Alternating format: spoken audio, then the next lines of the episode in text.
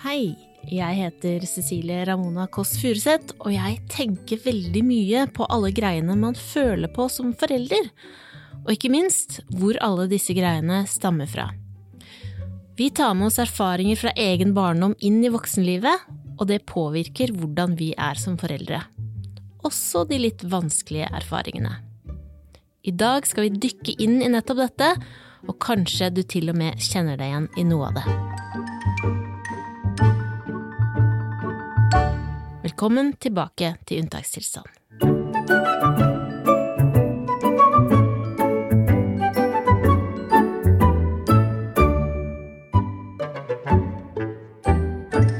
Jeg har fått inn en kvinne som jeg beundrer og respekterer svært høyt. Nå ser du ut som du Du høres veldig, overraska ut. Eh, hun er komiker, forfatter og programleder. Siri Kristiansen, velkommen. Tusen takk. Det er sant, Det jeg beundrer og respekterer deg. Ja. Og du er på en måte en eh, sånn autoritetsfigur for meg. Ja. Eh, ja, det skulle ønske at det gjaldt meg også som mor, og ikke bare som menneske i bransjen. Er det sant? Nei da. Jeg vet at jeg kan oppfattes som ganske autoritær, men på, på den positive siden, tror jeg. Ja, Ja. Ikke, ikke noe vondt ment, men som en god at vi, hvis, vi skulle, hvis det hadde skjedd noe her nå, Ja. hvis brannalarmen hadde gått, Ja. jeg hadde fulgt deg. ja, lurt. Det er ikke sikkert det er så dumt. Nei. Jeg tror du vet hvor man skal. Jeg pleier å legge en fluktplan ja, i de fleste Jeg har jo egentlig lyst til å leve i en actionfilm hvor jeg er helten. Og jeg redder masse folk på veien. Masse unger og bikkjer og gamle folk og Det er min absolutt største drøm. I en postapokalyptisk verden, kan vi bare kort ta hva ville din plan vært? Ah, eh, jeg hadde stjålet så mye som mulig tidlig før butikken gikk tomt. Og da hadde jeg stjålet sånne ting som man ikke tenker Jeg hadde ikke liksom tatt uh, Marilyn Cookies med mye sånn uh, batterier og alt mulig sånn gadgets Så man kan lage ting. ja, Så jeg hadde jo gått inn på uh, Jernia og Elkjøp og sånn, bare først. Ja. Ville du vært den som tok For jeg, jeg regner med Vi skal ikke snakke masse om dette, vi skal inn på barn og sånn. Ja. Men jeg regner med at uh, helt i starten der da, når det har vært krise har vært, så er det litt sånn nøling på hvem som knuser vinduet på butikken. Ja. Mm. Kan vi begynne med det, liksom? Der er du først. ja, jeg tror jeg ble knust ganske tidlig, ja. Ja. ja. Hvor mange barn har du, Siri? Jeg har to barn. Ja. Jente på 11, gutt på 13. Mm. Og hva slags mor er du? uh, jeg er en ganske sånn lekenmor. Uh, altså, eh, det høres jo helt dust å si om seg selv, men litt sånn kul mor. På godt og vondt. Eh, jeg er nok litt for opptatt av å være kul mor, litt sånn kompismor. Så jeg spenner litt beina på meg sjøl noen ganger ved at jeg eh, Jeg liker ikke å si nei. Mm.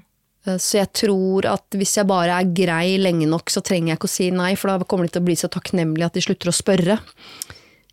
Skjønner du forskjellen? Jeg skjønner akkurat hva Og du mener. Og så blir det enorm skuffelse når de da ikke gjør det, og så må jeg gå hardt over på nei. Og da blir det et veldig sånn sterkt og sånn sinna nei, og så blir barna litt sånn overrasket og sjokkert, og jeg blir lei meg over at jeg nok en gang gjorde det. Skjønner du? Jeg sier sånn ja, ja, ja, ja, ja, ja, ja. Nei! Og så kommer monsteret fram. Men funker det, da? Nei, ikke i det hele tatt. Hvordan skulle du ønske at det Eller er det, er det noen sånn Har de blitt sånn hos deg at det er sånn Det må du spørre faren din om, liksom? Har dere veldig tydelige roller? Uh, min mann er flinkere enn meg på å si nei. Eh, å være konsekvent. Der er han mye bedre enn meg. Eh, han er jo et mye tryggere menneske enn meg generelt, så han er mer komfortabel med å ikke bli likt. Jeg vil jo helst bli likt hele tiden. Eh, Så for meg å skulle si nei eller være kjip, det, det koster meg mye mer. Selv om jeg vet at det er Altså, hjernen min skjønner jo dette. Og egentlig sa jeg det til meg selv også, du må, og jeg sier det til andre òg, du må takle å bli hata av barna dine innimellom. Du må liksom tørre å si nei. Eh, at den, du vet, bjørntjeneste videre, bla, bla. Eh, men jeg er ikke så god på det, så jeg vil si at jeg er veldig god mor når eh, barna er greie å ha med å gjøre. Når ting er vanskelig, da er jeg ikke så god mor. Men så bikker det over igjen når det er krise. Da, Da er våkner det Jeg er god i kriser. Men hvorfor, jeg lurer på hvorfor jeg har tenkt på deg som Jeg har, eh, det, har liksom tenkt på på forhånd før du skal komme, så har jeg tenkt at du er veldig sånn tydelig og god på å sette grenser, men det er vel litt den derre autoritære viben man får av deg, men det er eh, Ja, jeg kan være det på noen ting. Da. Jeg er jo veldig glad for at jeg har fått to barn som jeg vil påstå at maser mindre enn mange andre barn. Og det er deilig. Fordi jeg sier ganske tydelig nei når jeg sier nei. Mm. Da blir jeg litt sånn fenrik. Men eh, eh, Så på noen ting, når det bare er sånn mase om å få noe, men fordi jeg har et sånn ønske om å være grei bestandig, um, og en sånn grei, kul mamma, så når barna blir sånn Når jeg ser at barna er skuffet eller lei seg, eller det har skjedd noe, eller sånn, så er jeg veldig på liksom å gi, eh, kjøpe ting. Mm. Så jeg gjør en del sånne dumme valg noen ganger.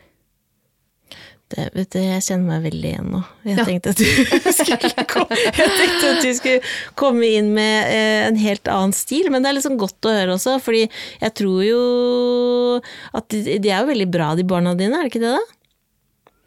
Jo, jeg tror jeg har to barn som eh, er ganske komfortable med å snakke om følelser. Eh, Jeg snakker mye om følelser med barna mine. Eh, og er nok ganske sånn Jeg liker jo å Jeg vil jo helst redde folk hele tiden.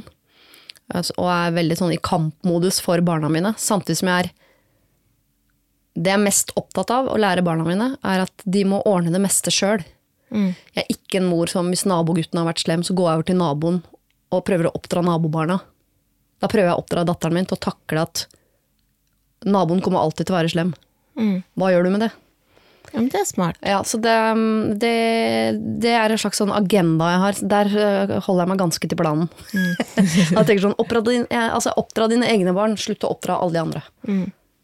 Hvilken fase har du likt best hittil som forelder? For det er veldig mange som hører på nå, som sitter med sånn sitt første nyfødte barn. Når jeg skulle ha barn, og med en gang jeg fikk barn, så følte jeg meg veldig trygg på at jeg var sånn, litt sånn som menn er. De sier 'å, jeg gleder meg til å få barn', så ser de for seg en de kan sparke fotball med, som er sånn 'det er lenge til'. Men uh, jeg gleda meg litt til å bli sånn tenåringsmamma. Når jeg kom til det der stadiet hvor man kunne snakke om følelser, og ting blir ordentlig vanskelig, og det gleda jeg meg skikkelig til. Eh, Jeg gleda meg ikke så veldig til babyfasen, for jeg, jeg syns det er vanskelig å forholde meg til folk jeg ikke kan kommunisere med. Være seg babyer, drita folk, folk som snakker et annet språk som jeg ikke snakker. Jeg, det, det, Da føler jeg jeg mister mitt eneste verktøy, som er snakketøyet. Og da vet jeg ikke helt hva jeg skal gjøre. Så, men babyfasen ble mye koseligere enn jeg trodde. Men jeg tror ikke jeg liksom nøyt det sånn til det fulle når jeg sto midt i det. Syns det var bare skummelt. Skikkelig, skikkelig skummelt. Eh, og så tenkte jeg på nummer to at nå skal jeg kose meg. Fikk liksom ikke tid til det heller. sånn ordentlig. Uh, men når jeg ser tilbake på det nå, når jeg nå møter folk med baby, så blir jeg sånn å herregud, baby. Da, Nå syns jeg babyer er som kattunger. Jeg vil kose med dem. Og den muligheten får man jo aldri igjen. Jeg kan aldri kose med andres babyer sånn som man koser med egne babyer. Nei. Du kan ikke ligge med andres baby sovende på brystet, Naken liksom. inntil. Nei, det kan inntil. man Det ikke. blir rart. Jeg husker liksom eh, Jeg syns nesten det er rart når besteforeldre er helt, helt nære på barna. Det blir sånn Det går en eller annen intimgrense her som for meg er sånn hei, hei, hei. Men eh, Så det, vet, det, det får man liksom aldri oppleve igjen. Det er litt sårt. Sånn sett får jeg innimellom lyst på en baby til. Men det skal jeg ikke ha. Hvem er det som inspirerer deg mest da, som forelder?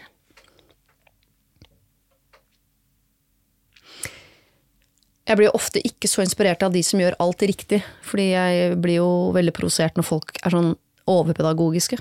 Som sikkert er smart. Mennesker som alltid har myk stemme, og, og, og som lager sånn hjemmelaget godteri av hirse.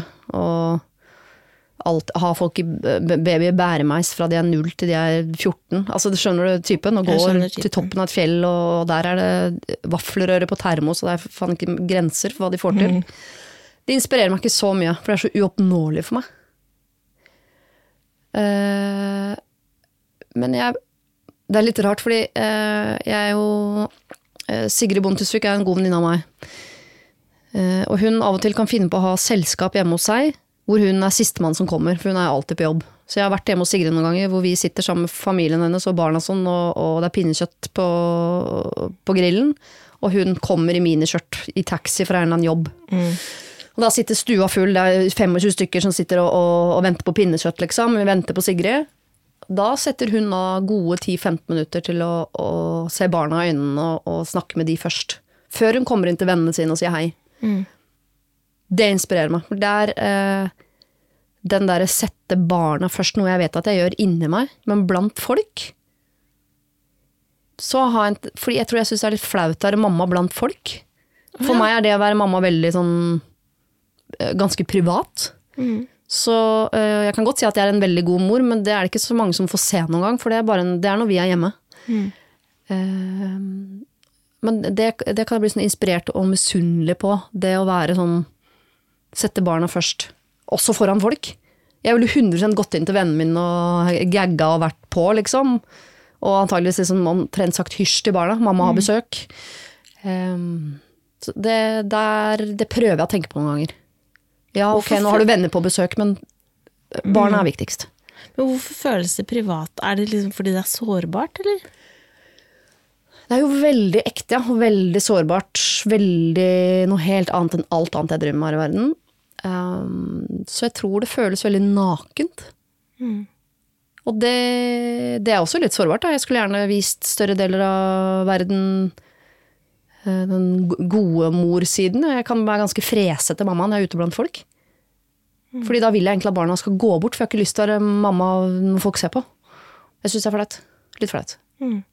Men jeg skjønner hva du mener, for jeg hadde et sånt øyeblikk hvor jeg lå på trampolinen med et av barna og bestefar som sto og liksom observerte oss. Jeg bare merket at det, Og så ble jeg litt flau.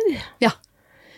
Og så skjønte jeg ikke hvorfor. Men det er noe sånn der, jeg tror det er noe veldig sånn nakent med det, og veldig sånn eh, At det er det eneste som jeg ikke Som ikke har sånn 100 selvtillit på. Fordi det også er ganske nytt. Og fordi han er min foreldreguru, på en måte. da. ja. Det ble bare sånn flaut. Ja, det blir flaut. Jeg husker da jeg satt barnevakt òg, før. Så var jeg sånn, jeg bare kunne ikke vente på at foreldrene dro. For da visste jeg vi skal ha det gøy. Vi skal leke og lese og herregud, skal ha det gøy, liksom, ungene og jeg. Men når foreldrene var til stede, jeg snakket ikke med barna engang. Hadde ikke sjans. Så rart. Ja, det er litt rart. Men jeg har jo invitert deg, Siri, fordi jeg har lyst til å liksom snakke litt om hvordan man liksom tar med ting, eh, følelser og sånn, fra egen eh, oppvekst inn i foreldrerollen. Og så, eh, Nå høres jeg ut som en psykolog, det er jeg ikke, men kan du fortelle litt om faren din? Nydelig overgang. ja, eh, altså mm, Hvilken ende skal man begynne i? Skal vi begynne liksom med eh, den ikke så happy endingen? Eh, bare så folk liksom kjenner historien. Altså, Ja. eh, I en alder av sånn 10-11 så dro jeg på ferie med pappa og broren min og noen kamerater av broren min. Da var han skilt fra mamma. Dro til en by i Italia vi har vært i mange mange ganger før. Var der en måneds tid, tror jeg. Eh, Tok toget ned og skulle ta toget hjem. Og da, eh, når vi sto på perrongen og skulle hjem, så sa pappa at jeg blir ikke med tilbake. Så da tok vi toget hjem gjennom Italia. Eh, var på interrail i en alder av 11 uten voksne. Det var spesielt.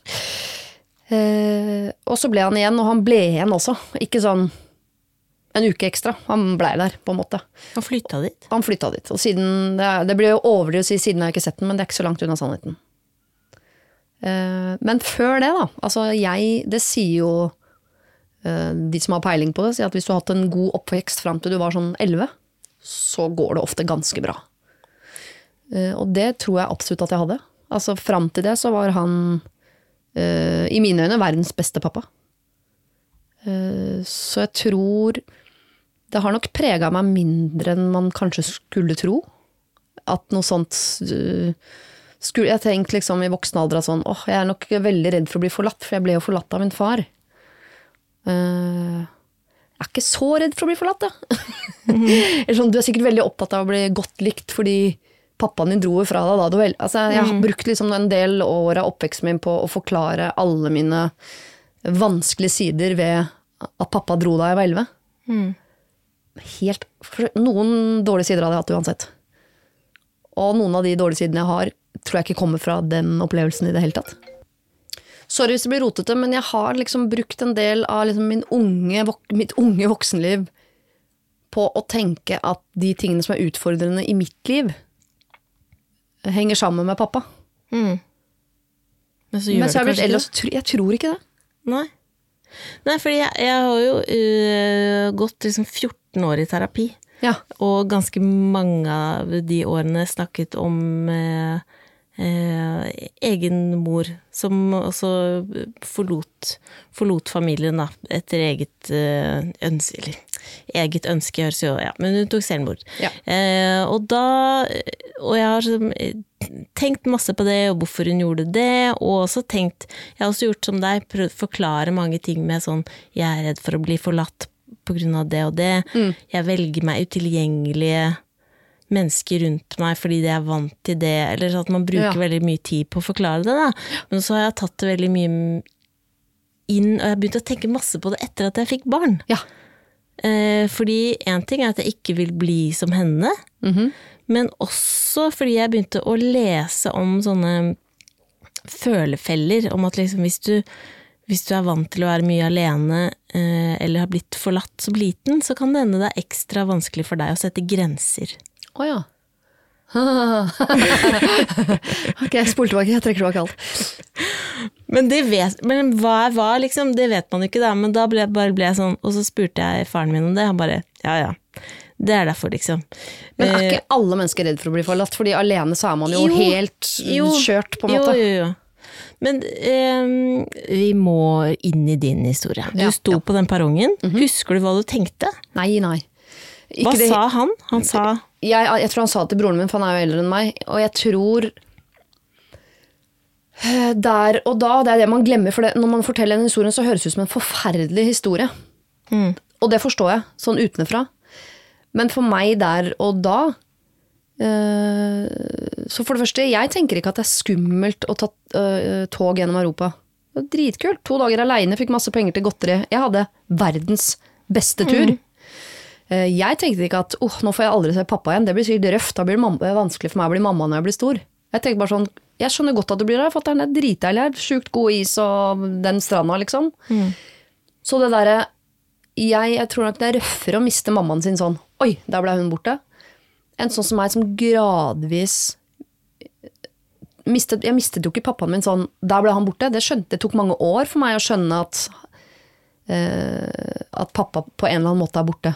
Jeg trodde hele tiden han kom hjem, og så ringte og så snakka vi, og så besøkte jeg en gang. Så jeg hadde ikke noe sånn der, det var ikke en sånn én forferdelig traumatisk opplevelse. Men jeg sitter jo igjen i andre enden jeg skjønner at å ja, han dro og ble borte. Eh, Det var, da gikk jeg glipp av mange gode år med han, det var synd. Men jeg opplever ikke den historien med han som traumatisk for meg. Eh, Jeg var nok litt mer betenkt ungdom, fordi jeg stadig kanskje tenkte på sånn, lurer på når jeg skal snakke med han neste gang. Oftere fikk skuffelsen av sånn, ikke noe bursdagsgave i år heller. Um, eller når jeg fikk bursdagsgave, så, uh, bursdagsgave, så var det sånn Å ja, uh, en plastikkhest. Jeg er 13. Eh, det hadde sikkert vært kult for noen år siden. Um, så det var mye sånn Jeg var nok betenkt og ofte litt sånn skuffa. Vant til at forventninger ikke ble innfridd, osv. Men jeg sitter ikke igjen og tenker at jeg er et sånn um, skadet barn som opplevde noe traumatisk i oppveksten. Ikke i det, ikke i det hele tatt. Men tror du det er fordi, som du sa, at du fikk til sånn elleve år hvor du var helt topp? Eh, ja, og så tror jeg jeg var liten nok til at ikke jeg forsto ringvirkningene av at det valget han tar nå, hva det vil si, hvis du skjønner. Hadde jeg vært 13, tror jeg det hadde vært mye, mye vanskeligere. Hvorfor det? Fordi da tror jeg man er mer analyserende. Altså, du skal vite at jeg var et ekstremt lykkelig barn. Eh, veldig selvstendig, glad, kontaktsøkende. Eh, altså en, en eh, kul unge, på en måte. Jeg gikk ikke rundt og var noe sånn eh, dark. Mm. Eh, så jeg, jeg tror bare ikke jeg tok innover meg før sånn på sikt at jeg plutselig ikke hadde en pappa lenger. Det, det føltes ikke plutselig for meg. Det føltes ikke som noe opprivende. Ingenting. Um, men så har jeg jo etterkant i og med at jeg og pappa er veldig like. Jeg er veldig lik han. Mye av liksom humoren og mye, mange av mine sånn egenskaper som menneske har jeg fra pappa. Så som voksen skal jeg sitte og tenke sånn åh, skulle ønske jeg hadde han lenger, for jeg tror han og jeg uh, hadde hatt det veldig fint sammen. Og jeg skulle ønske han hadde liksom klart å deale med tingene sine uh, i Norge. Eller klart å deale med tingene sine og ha kontakt med familien. Uh, men jeg har masse forståelse, faktisk, selv som mor. Nesten enda mer etter at jeg fikk barn selv. Forståelse for den Å, shit, dette blir for mye for meg.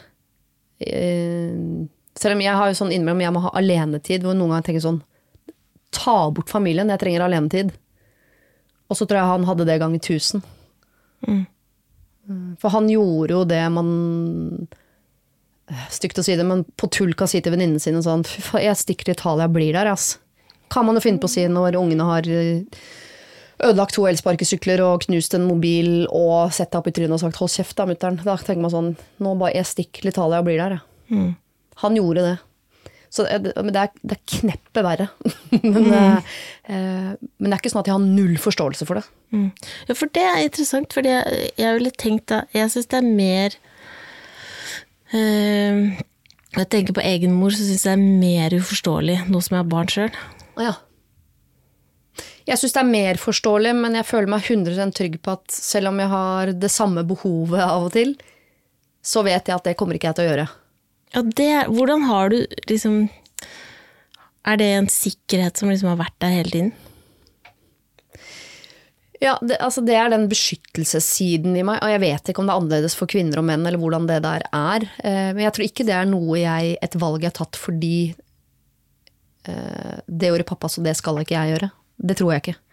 Jeg tror det bor i meg, at den der, det beskyttelsesinstinktet som på et eller annet tidspunkt dukker opp når du får barn, ikke sånn med hel, eh, helt med en gang, men på et eller annet tidspunkt der, det er såpass sterkt. Jeg har jo, som vi tulla med, sa, sånn enormt behov for å hjelpe folk og redde folk, og, og det gjelder jo i hvert fall egne barn. Jeg er ganske sånn eh, jeg er en god soldat, og jeg vil si, eh, for å bruke de metaforene, jeg hadde gått i krigen for barna. Um, å forlate da er ikke noe Det er bare ikke et alternativ. Jeg tror jeg heller hadde slett, utsletta meg selv før jeg hadde gjort det, på en måte. Jeg husker jeg sa jo til min far at dette er ditt selvmord, og det blir på en måte Hvis det er greit at jeg sier det når du er i rommet, men det er jo det man gjør. Og jeg tror nok jeg i større grad hadde vært villig til å gjøre det enn å leve med at jeg hadde forlatt barna mine, men i et annet land. For har du snakket noe med, med han om hvordan hvordan han har hatt det etterpå? Eller du har jo ikke møtt han. Jo Har du fått noen ordentlige samtaler, liksom? Du må ha hatt mange spørsmål? Ja, jeg har jo stilt han mange spørsmål i forbindelse med at jeg lagde en dokumentar om han, men han svarte ikke så godt på noen av de, men det var svar godt nok for meg. For man merker når man er sammen at han er, eh, eller var, da, eh, ganske psykisk syk. Mm. Lettere alkoholisert. Jeg skjønner at dette er en mann som, som måtte bort. Men han er også, som jeg jo da erfarte, en veldig følsom fyr. Eh, og veldig eh, morsom fyr. Eh, så det er en del av de der egenskapene man får brukt for som mor, da, som, jo, som jeg bruker mye, både følelser og humor, de, de tror jeg kommer fra han, altså. Og da er det vanskelig å sitte og si sånn «Åh, du har ødelagt meg som menneske, og du gjorde det vanskelig for meg å være mor. Jeg tror nesten snarere, tvert imot, så tror jeg jeg har klart å ta med meg de gode tingene, og så bruker jeg de dumme tingene litt som sånn skremselspropaganda til meg selv. Sånn ikke pakk bagen og dra til Italia nå. Eh, så jeg øver på å sette de grensene som gjør at når jeg kjenner på behovet for å, å stikke av, så, så tar jeg meg et døgn aleine, sier fra til mannen. Sånn. Nå tror jeg jeg skal være aleine et døgn. Eh, ja. Men tror du, tror du han, hvis du tenker på sånn Har du tenkt på scenarioet hva hvis han ikke hadde blitt igjen der? Hvis han bare hadde blitt, versus at han ble der? Tror du han tok et riktig valg? Så når du har møtt han i ettertid? Siden du tross alt fikk liksom elleve veldig bra Ja, jeg tror jo hvis han hadde blitt her, så hadde han nok vært en Også en psykisk syk og alkoholisert mann. Ja. Så jeg tror ikke livet hans hadde vært helt dødskult her heller. Og helt sånn Jeg syns nesten det er deiligere å ha en psykisk syk og alkoholisert far i Alpene I- i enn på, Alpene. på, i nabobygda. ja, det er det jeg mener. Jeg at de du gangene fikk den liksom- avstanden. Ja, jeg syns det var litt digg, for noen ganger liksom på slutten her sånn, hvor han vurderte å liksom flytte hjem og kona hans liksom lurte på Vi skal ikke finne et gamlehjem til han hjemme som dere kan passe på pappaen deres og sånn. Men jeg tenkte sånn Hell no! Det skal vi absolutt ikke gjøre. Um, så sånn sett. Men jeg tror, hvis han hadde hatt litt mer liksom tiltro til menneskene rundt seg og barna sine, så tror jeg mye av de tingene han sleit med, kunne han ha slitt med, men hatt kontakt med familien. skjønner du? Mm. Jeg tror han Jeg tror man ofte tenker at barn ikke forstår. Så det beste er at jeg ikke forklarer. Det tror jeg er feil steg. Jeg tror man kan forklare barn veldig, veldig mye. Eh, Og få de til å forstå det aller, aller meste. Eh, Og så tror jeg man bare aldri må gi opp heller, for eller forklare det mange ganger. Da. For hver, hver gang de blir et år eldre, så får man forklare det med litt mer voksne ord. Så ja. Men hva var det jeg skulle si? Jeg tenkte på Jo, jeg, og jeg, jeg, jeg tror ikke han tok et valg som var sånn Nå blir jeg her, nå skal jeg aldri snakke med barna mine igjen. Jeg tror det er et valg som bare sniker seg på deg litt sånn over tid. Jeg blir her litt lenger, jeg skal bare ta meg sammen. Ja, så blir det litt lenger. Jeg skal snart ringe. Oh, nei, nå er det lenge siden jeg har ringt. Nå blir det nesten litt kleint å ringe. Jeg venter en dag til. Altså, jeg tror den derre utsettelseskunsten gjør at man plutselig har tatt noen skikkelig dårlige valg uten at man er klar over det. Mm. det er ganske, jeg tror ikke han satte seg ned på en kafé og tenkte sånn Faen, sier han derre broren deres for noen ræva unger. Jeg blir her, ja. Det er jo helt konge, da. Det føler jeg meg altså, Det er null prosent i kroppen min som tenker at han tok et konkret valg på å ikke være sammen med oss. Mm. Jeg tror ikke det handla om oss i det hele tatt. Det virker som om du har liksom på, på en måte mm, Du har tenkt masse på dette og liksom forsona deg med det. Og jeg lurer på liksom, hvordan gjør man det? Har du gått i terapi og snakka om det? Nei. Nei. Eh, nei, jeg syns en del av de tingene av en grunn ble lettere når jeg fikk barn. Fordi når man opplever den kjærligheten man har til barn, kan ha til barn, så blir det nesten lettere å forklare og forstå valgene foreldre har gjort, fordi man jo man blir minnet på sånn ja, man, nå er jeg mamma, men jeg er jo samme person som i går. Det er ikke sånn at jeg er helt sykt god mamma plutselig. Det er jo ikke Mm. at man tar med det der eh, menneskeaspektet inn. Og jeg er bare hun samme menneske med de samme feilene fra, som fra i går. Eh, og så må man, fordi man har ansvar for flere enn seg sjøl, så er man nødt til å bare jobbe litt hardere med å, få til ting. Eh, men jeg Ja, jeg, av en eller annen grunn, jeg syns det er lett, lettere å forstå og forsone etter at jeg blei mor. Fordi kanskje jeg kjenner igjen den derre eh, Den kjærligheten, spesielt når jeg leker med barna, snakker med følelser med barna og sånn, så, så kjenner jeg igjen at dette har jeg opplevd før. Mm. Og da har jeg på en måte, selv om ikke fra jeg er liksom helt sånn darwinistisk, men da har jeg jo på mange måter fått det jeg trengte. Jeg skjønner hva du mener. ja.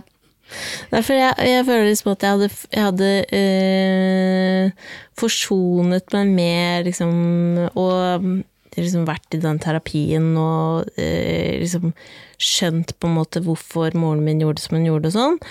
Og så kom det barneelementet, og da ble det sånn Da ble det nesten enda verre. Fordi jeg elsker de barna så hardt, da. At det blir for meg helt sånn Det blir sånn enda sykere å tenke på. Ja. Hvordan kunne du velge dette bort? Ja. Ja. Men klarer du å tenke at det valget hun tok, ikke liksom handla om dere i det hele tatt? Nei, for de gjorde jo ikke det. Altså, og jeg er jo ikke noe tvil om at uh, hun elsket jo oss eh, like hardt som det jeg elsker mine barn, liksom. Så jeg har ikke noen tvil om det heller. Men det er bare det gir det på en måte en uh, annen dimensjon, da. eh, som jeg ikke har tenkt på før. Og at jeg blir litt sånn Jeg blir veldig den at jeg skal være helt andre vei, for hun var veldig utilgjengelig. Ja. Så jeg vil være veldig tilgjengelig. ja. Kanskje litt for mye. Å, herregud, så sånn. Så jeg vil sitte der til jeg har, Det og jeg har oppdaget mens jeg har laget denne podkasten, jeg har hatt sånn søvneksperter og sånn på besøk, ja. at jeg må ha is i magen, og det gjør ikke noe om de gråter litt og roper meg og sånn. Altså, det funker ikke. Altså, det er så eh, Jeg skal være der til de sovner. ja. Liksom, og det går jo ikke med to små barn, så jeg blir helt i andre enden, og så blir jeg redd for at jeg da skal bli en slags sånn helikoptermor, ikke sant. For det er alltid Det er bare sånn en som bare henger over og passer på sånn hele tiden, eh, og at jeg er redd for ting skal skje og Men burde du ikke egentlig heller da være mer For jeg, det vet jo ikke jeg, men jeg har liksom tenkt at mm, mammaen din var en fin mamma fram til hun ikke var mamma lenger. Eh, at man klarer å skille det. For det er større sjanse for at man på et eller annet tidspunkt blir en dårlig mor hvis man brenner lys i begge ender ved å være til stede hele tiden. Sitte og se på til Ja. de sovner. Sprette opp av stolen med en gang de får flis. Da tenker jeg sånn Da mm. Større sjanse for at det går dårlig enn enn hvis man liksom stoler litt på at det, mye av dette her klarer de sjøl. Ja, for det har jeg liksom innsett nå, og liksom begynner å øve på det, da. Ja. Eh, rett og slett også fordi at man ikke kan eh, Man kan ikke strekke til på alle måter man vil hele tiden. Og det er også bra for de Mm. At du ikke er tilgjengelig hele tiden. Mm. Fordi sånn er verden, ja. på en måte. Ja, jeg- jo, vet du hva, jeg eh, ljuger litt eh, når jeg sier at jeg aldri har vært psykolog. Det har jeg jo vært. eh, Jeg hadde én time her for et års tid siden. Ja, nei, Var det etter jul i år eller fjor? Samme det. Hvor jeg tenkte sånn Jeg var virkelig sånn pakke bagen, stikk til Italia-modus. Eh, og da fikk jeg beskjed om at jeg måtte bli flinkere til å sette grenser, selvfølgelig. Som jeg jo da er mm. eh, veldig eh, dårlig på. Men eh, åh, hvorfor kom jeg på det, da? Ja? mm, ah, hva var det du sa rett før det? Hva var det jeg sa rett før det? Øve på å Ja, ikke være tilgjengelig hele tiden. ikke være til Ja! Jo, for at jeg kan dette, er- Nå skal jeg gi deg et klassisk eksempel på en oval Viken med meg, min mann og mine barn. Ja. For det første syns er det mye vanskelig å være mamma når pappa er til stede. Fordi da er vi to med regler og en som kan ta over. Jeg er mye, jeg er- er mye mer skjerpa som mor når jeg er alene. Men når vi, man må jo være familie av og til. Lykkelig familie på fire. Og når vi da drar på sånn, la oss si at vi har leid et sted, vi skal være her. eh, Vi er veldig glad i å være på hotell.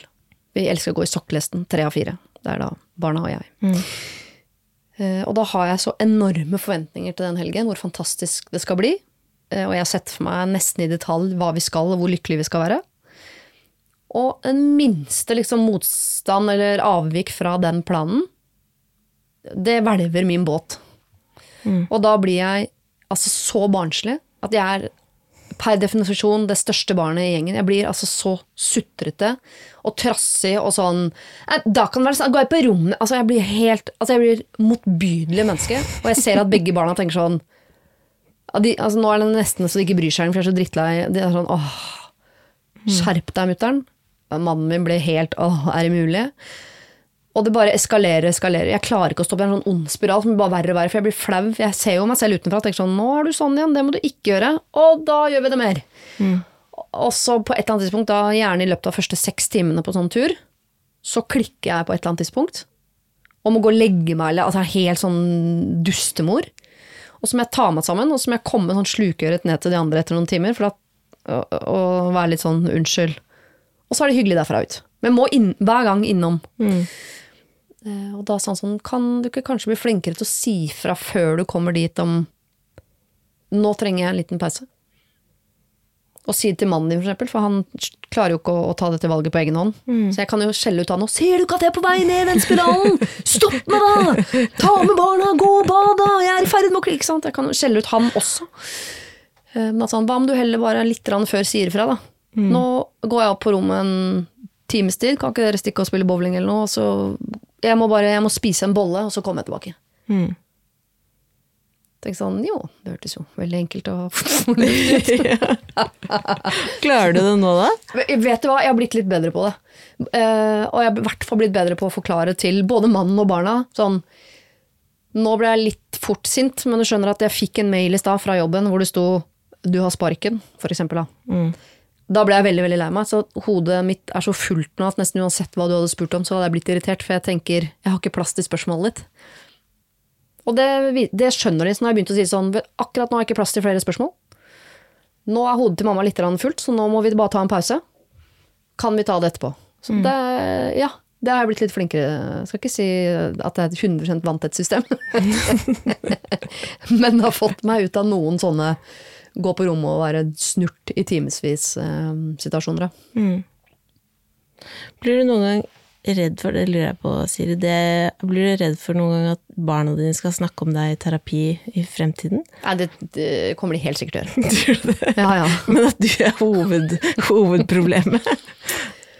For det vil jeg alltid er sånn her i alle filmer og sånn, det er alltid mora som er Ja, samme psykolog sa også noe annet lurt, som jo er både godt å vite, men også grusomt. Man får det forholdet til barna sine som man fortjener. Ja, ikke sant. Mm. Så hvis du har gjort en god jobb, så får du en god relasjon. Har du gjort en dårlig jobb, så får du en dårlig relasjon.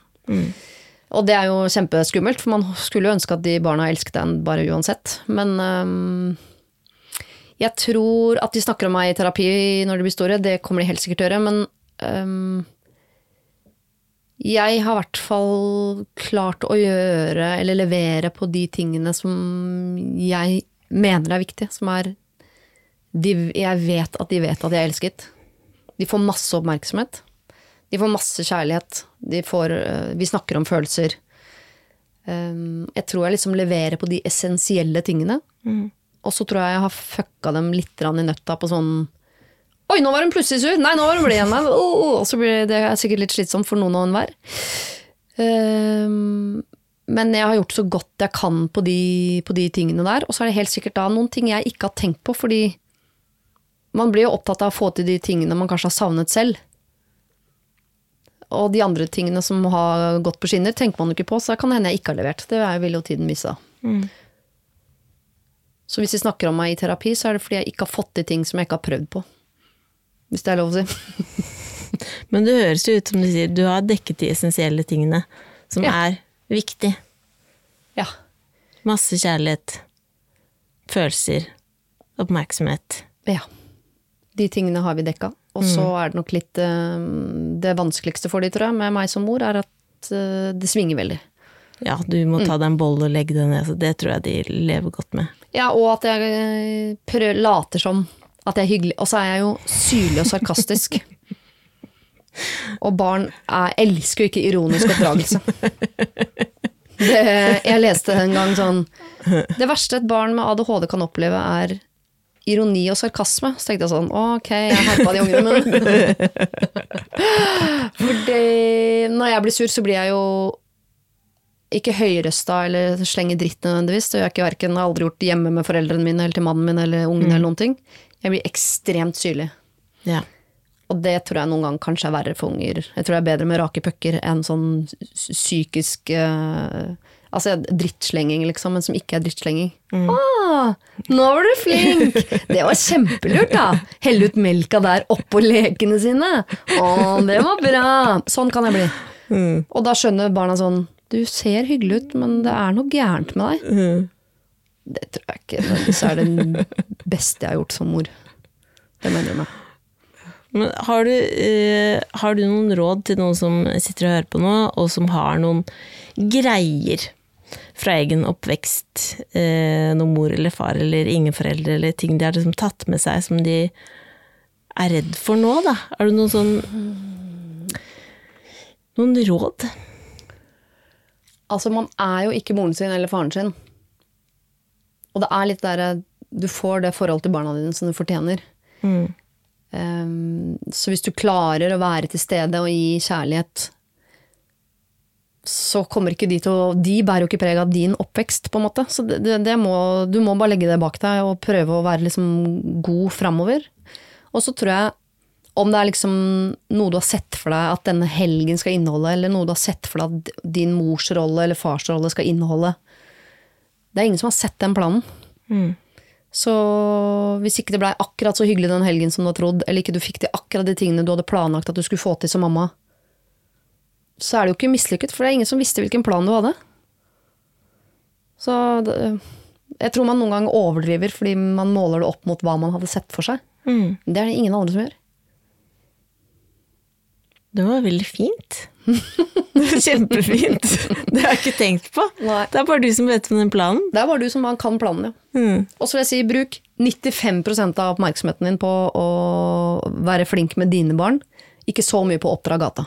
Nei, det kan de, noen andre gjøre. Det kan noen andre gjøre. Og ubetinget kjærlighet. Ja. Ja. Og Ja. nei, det viktigste, sorry, Ja, si, si det viktigste.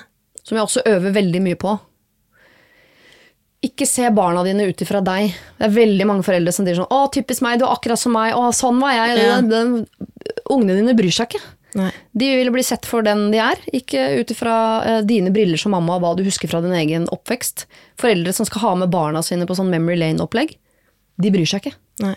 Det er også et godt råd. Og dette var kjempefint, Siri. Tusen takk for at du kom, og at jeg fikk ta deg med inn i, inn i den historien der igjen. Jeg syns det er raust. Så bra. Jeg elsker å snakke om det. Det er så bra. Tusen takk.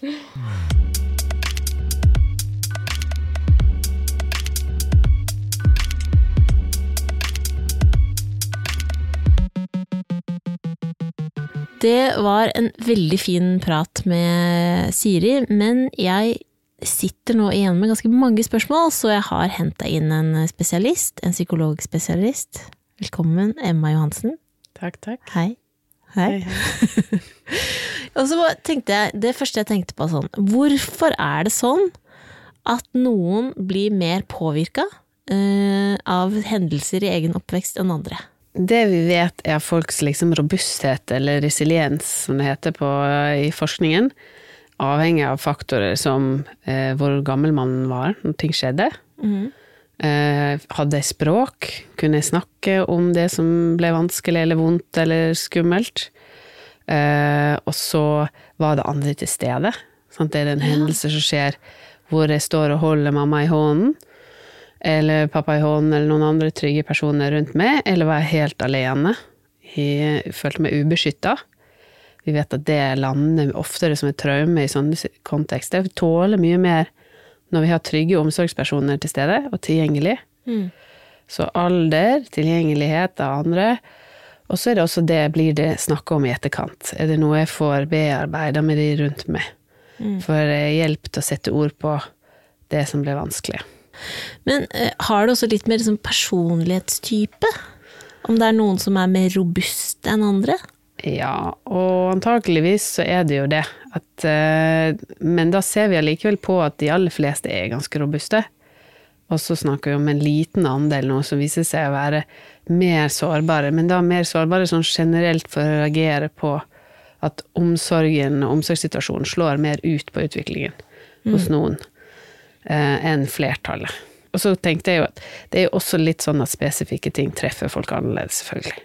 Ja. Noen ting blir mer vondt basert på personligheten vår. At sånt er man en som trenger folk veldig tett på seg, så blir det veldig vondt å miste de. Er man en som vil være sterk og kompetent, så blir det mer vondt å bli avkledd og rett ut foran andre. Og så lurer jeg på sånn, Jeg begynte å tenke masse på liksom, ekstra mye på egen oppvekst når jeg fikk barn. Er det vanlig at man begynner å gå igjennom hva egne foreldre har holdt på med? Absolutt, absolutt. Det er jo ofte da vi først går tilbake. For mange er jo det da de endelig går tilbake og ser på sin egen oppvekst med det voksne blikket, da.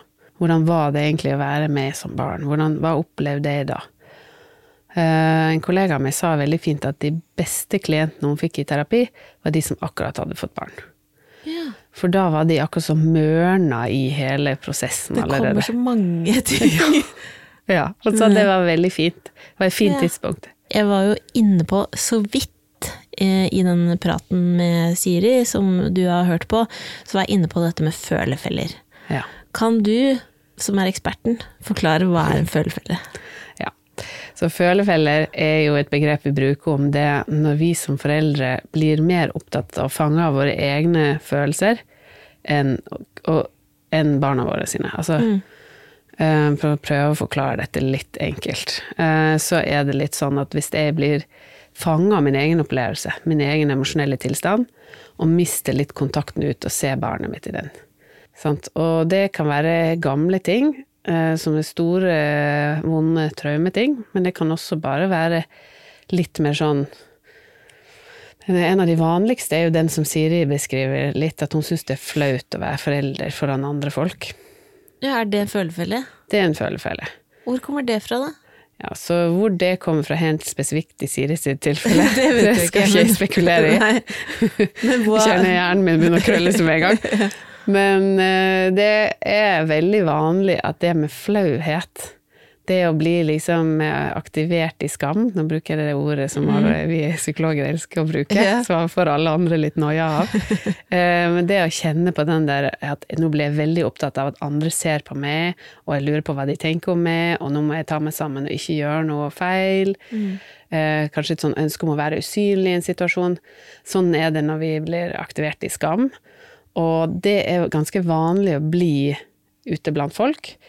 Og det kan overkjøre helt evnen vår til å se barnet vårt. Jeg, på, jeg husker jo selv det å gå på Kiwi med sønnen min da han var sånn fire, og plutselig så Han, øh, han hadde jo ikke utvikla noen form for sosial angst på det tidspunktet, så han brydde seg jo ikke om hva andre syntes om at han begynte å rope og skrike over at han ikke fikk den der yoghurten med sprinkles. eh, som han hadde sett seg ut at han skulle få, og tiltrekker masse, masse oppmerksomhet i butikken, og jeg syns det er veldig vanskelig. Som, for jeg har jo som folk flest et prosjekt om å fremstå som at jeg er i kontroll, og være, ikke være rar.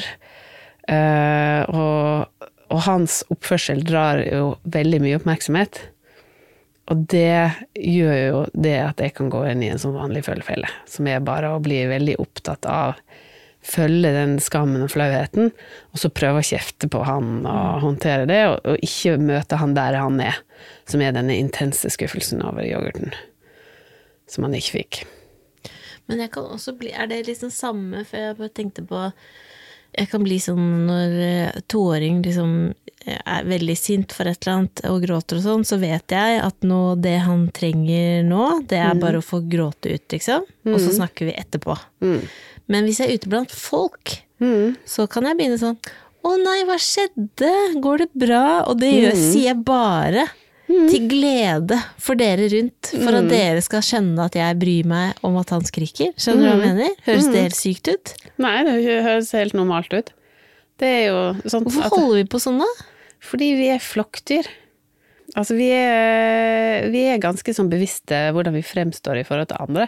Vi er jo klar over helt inn til beinet at ikke alt tåles av flokken. Sånn at jeg må følge visse regler.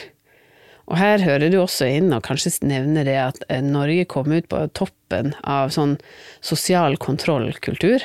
Og vi er et spesielt eh, i forhold til mange andre land på det at det er veldig lite spillerom i det offentlige rom på hva du kan gjøre. Jeg koste meg litt. Det ene spørsmålet var sånn Er det lov å synge på bussen? Ikke lov. Det er ikke lov. Og jeg ble helt sånn fascinert sånn. Fins det land hvor man kan synge på bussen? Shangri-La! Eller veldig slitsomt, da. Alt ettersom. Men eh, så vi er jo et land hvor vi har veldig mye av det, da. Jeg tror det er litt sånn nasjonal følefele på det. At når vi er ute i det offentlige rom foran andre folk, så er vi veldig klar over at det er veldig lite som tåles. Og det går også utover barna våre, sant? og de blir litt forlatt da. Sant? Da plutselig blir mamma slutt, som ellers var så veldig tuna inn, og så veldig Som ga meg akkurat det jeg trengte akkurat nå. Nå ble hun plutselig rar. Nå driver hun og snakker i en rar stemme. Kanskje hun kjefter på meg. Kanskje ikke får kontakt med henne. Hun snur seg vekk. Sant? Hun ble så stressa. Og, det får jo ikke akkurat barna til å bli roligere. Kan det liksom eskalere situasjonen Noe? Absolutt. Ja. Absolutt. Så man må egentlig bare fortsette å gjøre sin greie. Ja, og så kanskje også gi seg selv en liten validering på at eh, oi, nå, eh, nå vekkes liksom eh, min strategi på å være usynlig og være normal. Eh, Nå, nå gjør barnet mitt sånn at det blir veldig vanskelig for meg å følge den. Så nå blir jeg kjempestressa og flau. Så at jeg trenger den der forståelsen fra meg selv. Ikke rart at jeg blir stressa da. Og så lurer jeg på um, når, man, når man begynner å tenke på alle disse tingene, at man tenker på sånn Dette skjedde med meg, så kanskje det er derfor jeg er sånn. Eller sånn eh, at jeg har tenkt sånn Jeg ble forlatt, og derfor velger jeg meg utilgjengelige personer, osv. Hva er det som er sånn ting som har skjedd i oppvekst, og hva er helt naturlige følelser? Ja. At det på en måte istedenfor å på en måte forholde meg til at det kanskje er et behov eller en grunn eller noe jeg kan gjøre noe med, så blir det bare en sånn ja, sånn statisk for jeg, jeg kan ikke gjøre sånn, eller fordi kan, sånn og sånn. ja, at man bruker det som en sånn Åh. unnskyldning i ja, livet. Da. eller til omgivelsene. Dere må bare tåle at jeg gjør sånn her, fordi dette skjedde med meg. Jeg ble forlatt da jeg var liten, så Ja. dere må tåle at jeg er et rasshøl. ja, ja. Og det er absolutt. Vi, vi har møtt disse menneskene. Mm. Ja, ja. Eh, Jeg var et enebarn, derfor er jeg veldig egoistisk, så dere må bare tåle jeg har en sånn venninne. Der har du meg, da! Ja, der har du meg, det er kjørt. Dette må du bare tåle. Hvor Og jeg tenker sånn hm, må jeg det? Ja. ja. Eh, ja. Og jeg tror jo ofte kanskje at i de tilfellene er ikke det hele forklaringen. At det er noe med å spørre seg selv sånn Ofte kan vi si ting, og så er det lurt å sjekke. Føles det sant når jeg sier det? At det var det som skjer egentlig, og det er grunnen? Eller er det noe mer i sving her? Er det noe ferskt, kanskje? Eller Men hvordan kan man liksom nøste opp i uh, disse store følelsene, altså hvis man sitter og hører på nå, og det har dukka opp masse greier fra din egen barndom. Er, det liksom, er det kun terapi som er løsningen, eller hvordan kan man liksom finne ut av det litt selv, og ta det med seg videre? Ja, altså Jeg tenker at det er et litt et spørsmål om hvor vondt det er, og hvor overveldende det er.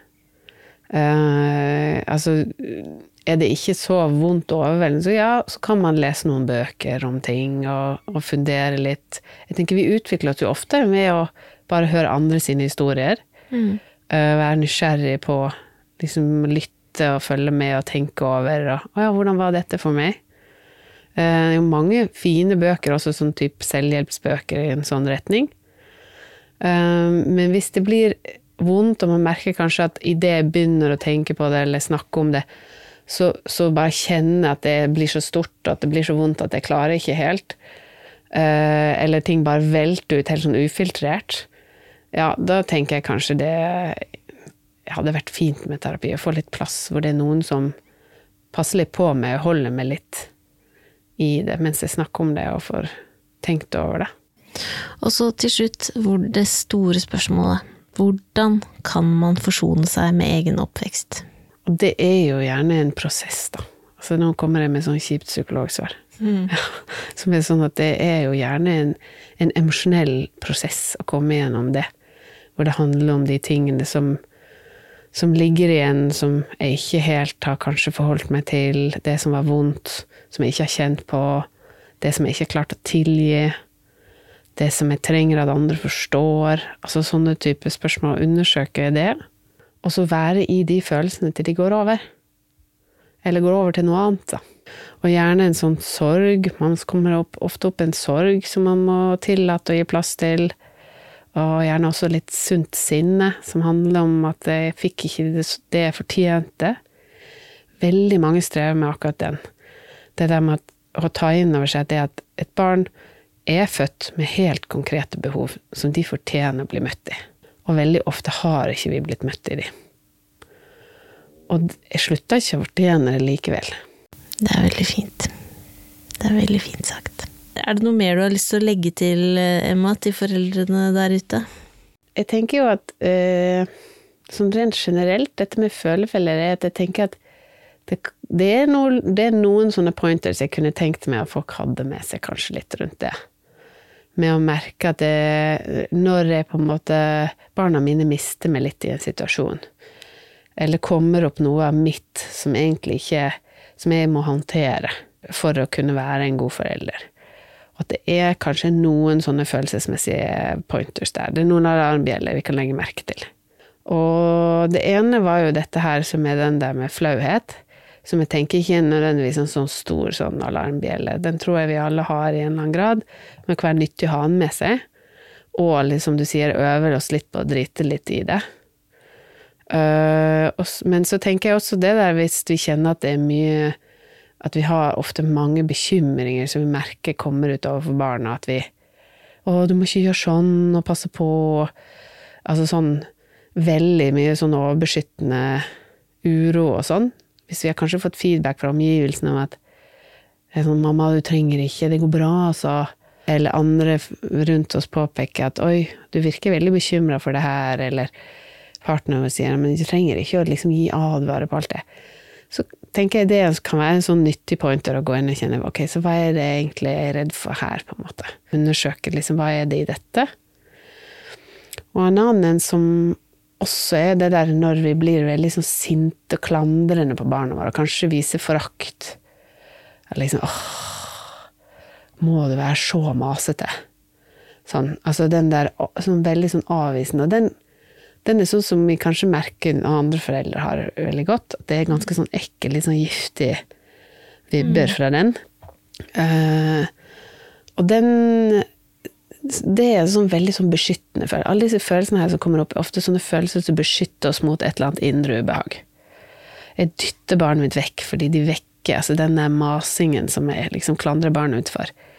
Kanskje vekker et eller annet inni meg som jeg ikke helt tåler å være i kontakt med, som blir veldig vondt for meg. Og at det er noe jeg trenger å se litt nærmere på. At det er når jeg begynner å kjenne at øh, At det nesten er sånn vemmelse rundt barnet mitt, eller sånn.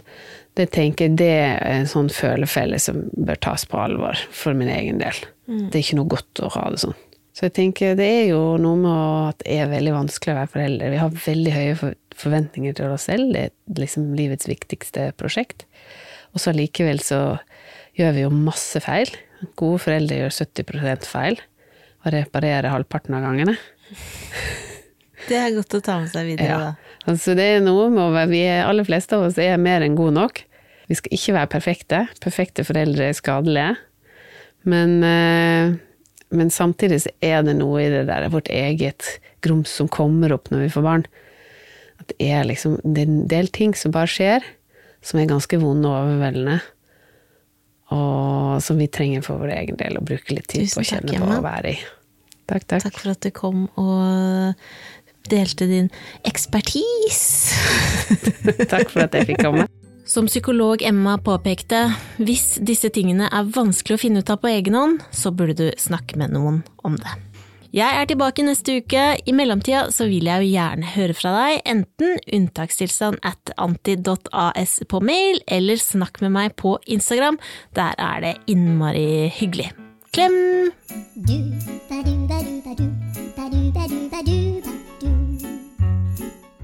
Unntakstilstand er produsert av Anti for Podimo.